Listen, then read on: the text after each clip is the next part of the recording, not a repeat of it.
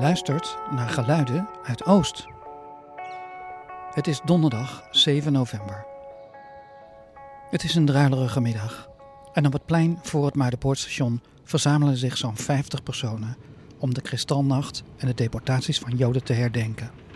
Luister naar wat hier plaatsvond.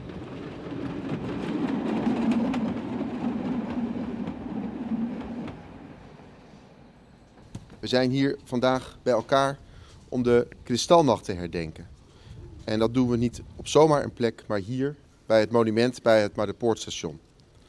Op dit station zijn vele duizenden Joden afgevoerd naar Westerbork om vervolgens later in Oost-Europese kampen te worden vermoord.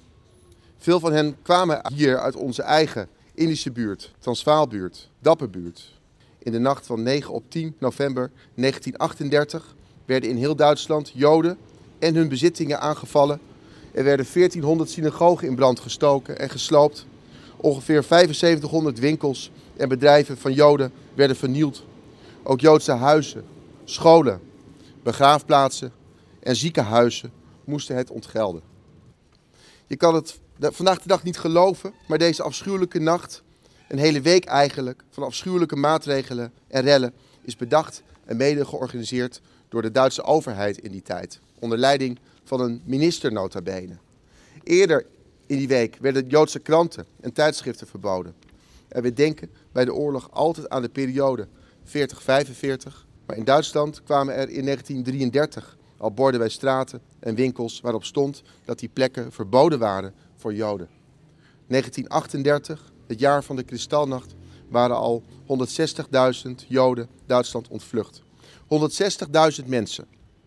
En waar gingen die dan naartoe? Er dreigde een oorlog. Er was een vluchtelingenprobleem in Europa. En hoe gingen we daar toen mee om? We gooiden als Nederland onze grenzen dicht. We wilden deze Joodse vluchtelingen hier niet hebben. En wij waren niet de enige. Heel Europa gooide de grenzen dicht. Alle landen in Europa verkeerden in een grote economische crisis en het antisemitisme speelde een steeds grotere rol. Vandaag staan we stil bij die nacht. Bij dit teken dat het gruwelijk misging in ons buurland. Bij de waarheid dat een hele grote groep mensen tot zondebok werd gemaakt van de economische crisis. Een tijd waarin men vond dat één bevolkingsgroep duidelijk minder waard was. Waarin weinig tot geen protest was en de maatregelen langzaam bij beetje steeds erger werden. Waardoor je stukje bij beetje het steeds normaler ging vinden om slecht over Joodse mensen te denken. Om daarna slecht over hen te praten en daarna deze mensen slecht te behandelen. Het was een geleidende schaal. Als ik om mij heen kijk in het nu, leven wij soms ook niet in een al te hoopgevende wereld. Tegelijkertijd geloof ik in onze nieuwe generatie. Een generatie van jongeren, waar zeker in Amsterdam leerlingen van allerlei culturen met elkaar opgroeien. Met belangstelling kennis nemen van elkaars cultuur, geloof en feesten. Een generatie die niet wacht tot de politiek in actie komt, maar zelf het heft in eigen handen neemt. Kijk maar naar de kwestie van het klimaat. En dan denk ik, laat de nieuwsgierigheid het winnen van de angst. Leer elkaar kennen.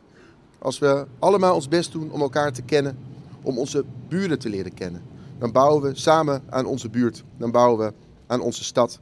Wij zelf maken Nederland, wij zelf maken Amsterdam en wij zelf maken Oost.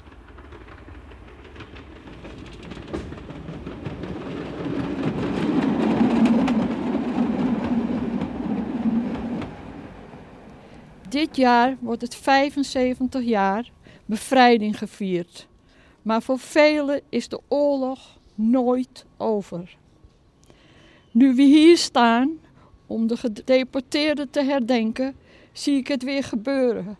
Alsof het gisteren was. We woonden hier om de hoek. We liepen daar. Als kind van zes jaar werd ik met mijn moeder gedwongen met mijn neus naar de muur te gaan staan. Want er kwam een tram langs op weg naar het Muidenpoortstation. Gewone mensen, Joden, die van de Schouwburg aan de plantagemiddelaan afgevoerd werden naar concentratiekampen. En bijna niemand kwam terug. Hun huizen bleven leeg achter, beroofd, kapotte ramen met wapperende gordijnen. Dat is wat ik me goed herinner van de Transvaalbuurt, het Waterloopplein, de Weesperbuurt, Stille getuigen die er niet meer zijn, afgebroken. In de Dapperbuurt is door de stadsvernieuwing veel verdwenen.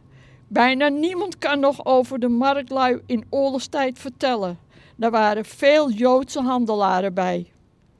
Wat rest zijn een paar foto's. De gedeporteerden zijn hier bij het station vereeuwigd. Dat staat op mijn netvlies. Het is belangrijk je buurt in beeld te brengen. Belangrijk wat er nog is te behouden. Deze plek, dit monument, inspireert me. Het troost me hier even te kunnen zitten en stil te worden, op welk uur van de dag dan ook. Het steunt me hen te herinneren. Als er hier iets duidelijk is van ontwikkelingen en discussie over herdenken van dit jaar, dan is het wel dat er nog veel verborgen verdriet, angst, maar ook woede leeft. Ieder rouwt op zijn eigen manier. Stil gedenken, maar ook getuigen. Van mijn moeder heb ik geleerd op te komen tegen haat, tegen discriminatie, tegen racisme van alle dag, tegen fascisme, extreme haat en vernedering. Dit steekt weer de kop op, met name ver buiten onze grenzen. Laten we daar de ogen niet voor sluiten. Laten we samen blijven komen, opdat zij niet vergeten worden. Ik dank jullie allen dat jullie hier aanwezig zijn. Er zijn sterren wier licht de aarde slechts bereikt, lang nadat ze zelf uiteen zijn gevallen. Er zijn mensen wier nagedachtenis licht geeft in deze wereld, lang nadat zij van ons zijn heen gegaan. Dit licht schijnt in de donkerste nacht op de weg die wij te gaan hebben. Het Kaddish. Yitke dal, Yitke dasje meraba, balma divar girote, William je gewoon om meer gewoon, we ga je de gol beet Israël, Ba'gala uvisman karif wimeru amen. Yeheshma reba mvorach olam oame almaya. Yiparach, Yistapach, Wipaar, Witroman, Vitnase. Vitadar, Vitale, Vitalal, Shemede Kudesha, Brigu. Leela, Minko, Birgata, Vashita. Tushbegata, Venegata, Damura, Ba'ara, Yeheshma Als jongere generatie die zelf geen oorlog heeft meegemaakt, is het makkelijk om vrede vanzelfsprekend te vinden. Bijna 75 jaar leven we in Nederland in vrede en velen zijn met mij in vrede opgegroeid. En toch zien we dagelijks beelden die laten zien dat vrede niet vanzelfsprekend is. Op verschillende plekken in de wereld zien we mechanismen die we kunnen herkennen uit de verhalen van de Tweede Wereldoorlog: uitsluiting, haat en geweld. De kristalnacht is de voorbode gebleken van ongekende en ongeëvenaarde haat in onze westerse samenleving. En terugkijkend kan je afvragen waarom het niet mogelijk is geweest om het tijd te keren. Is het omdat mensen geneigd zijn om vooral aan hun eigen belang te denken? Volgen we de leiders als ze er zelf geen last van hebben? Is het omdat mensen niets kan schelen hoe het gaat en hoe het met anderen gaat? Ik weiger dat te geloven. Ik geloof wel dat het heel veel moed vergt om op te staan, om tegen de stroom in te zwemmen, om het tegengeluid te laten horen. Het vergt moed om je uit te spreken, maar ik geloof ook dat de eerste die zich uitspreekt gevolgd zal worden door hen die de moed nog niet gevonden hadden.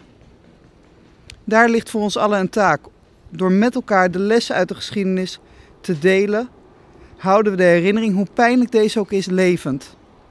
Door de verhalen van overlevenden te delen, herhalen we ook de lessen die we daaruit kunnen leren. Door open te staan voor anderen, door te staan voor ieders recht om er te zijn, door je uit te spreken tegen onrecht, geef je invulling aan die lessen uit het verleden. Ik sluit af met dezelfde wijze als twee jaar geleden met een oproep. Spreek je uit, hardop. En houd oog voor elkaar. In een samenleving kun je niet denken in wij en zij. Want de samenleving bestaat uit wij. En wij hebben samen met elkaar de verantwoordelijkheid voor die samenleving. De groep mensen die uit eigen ervaring over de oorlog kan vertellen wordt steeds kleiner. En hoewel ik u nog vele jaren in gezondheid toewens, wens ik ook dat de volgende generatie kan zeggen: er zijn geen mensen meer die uit ervaring kunnen vertellen over de oorlog.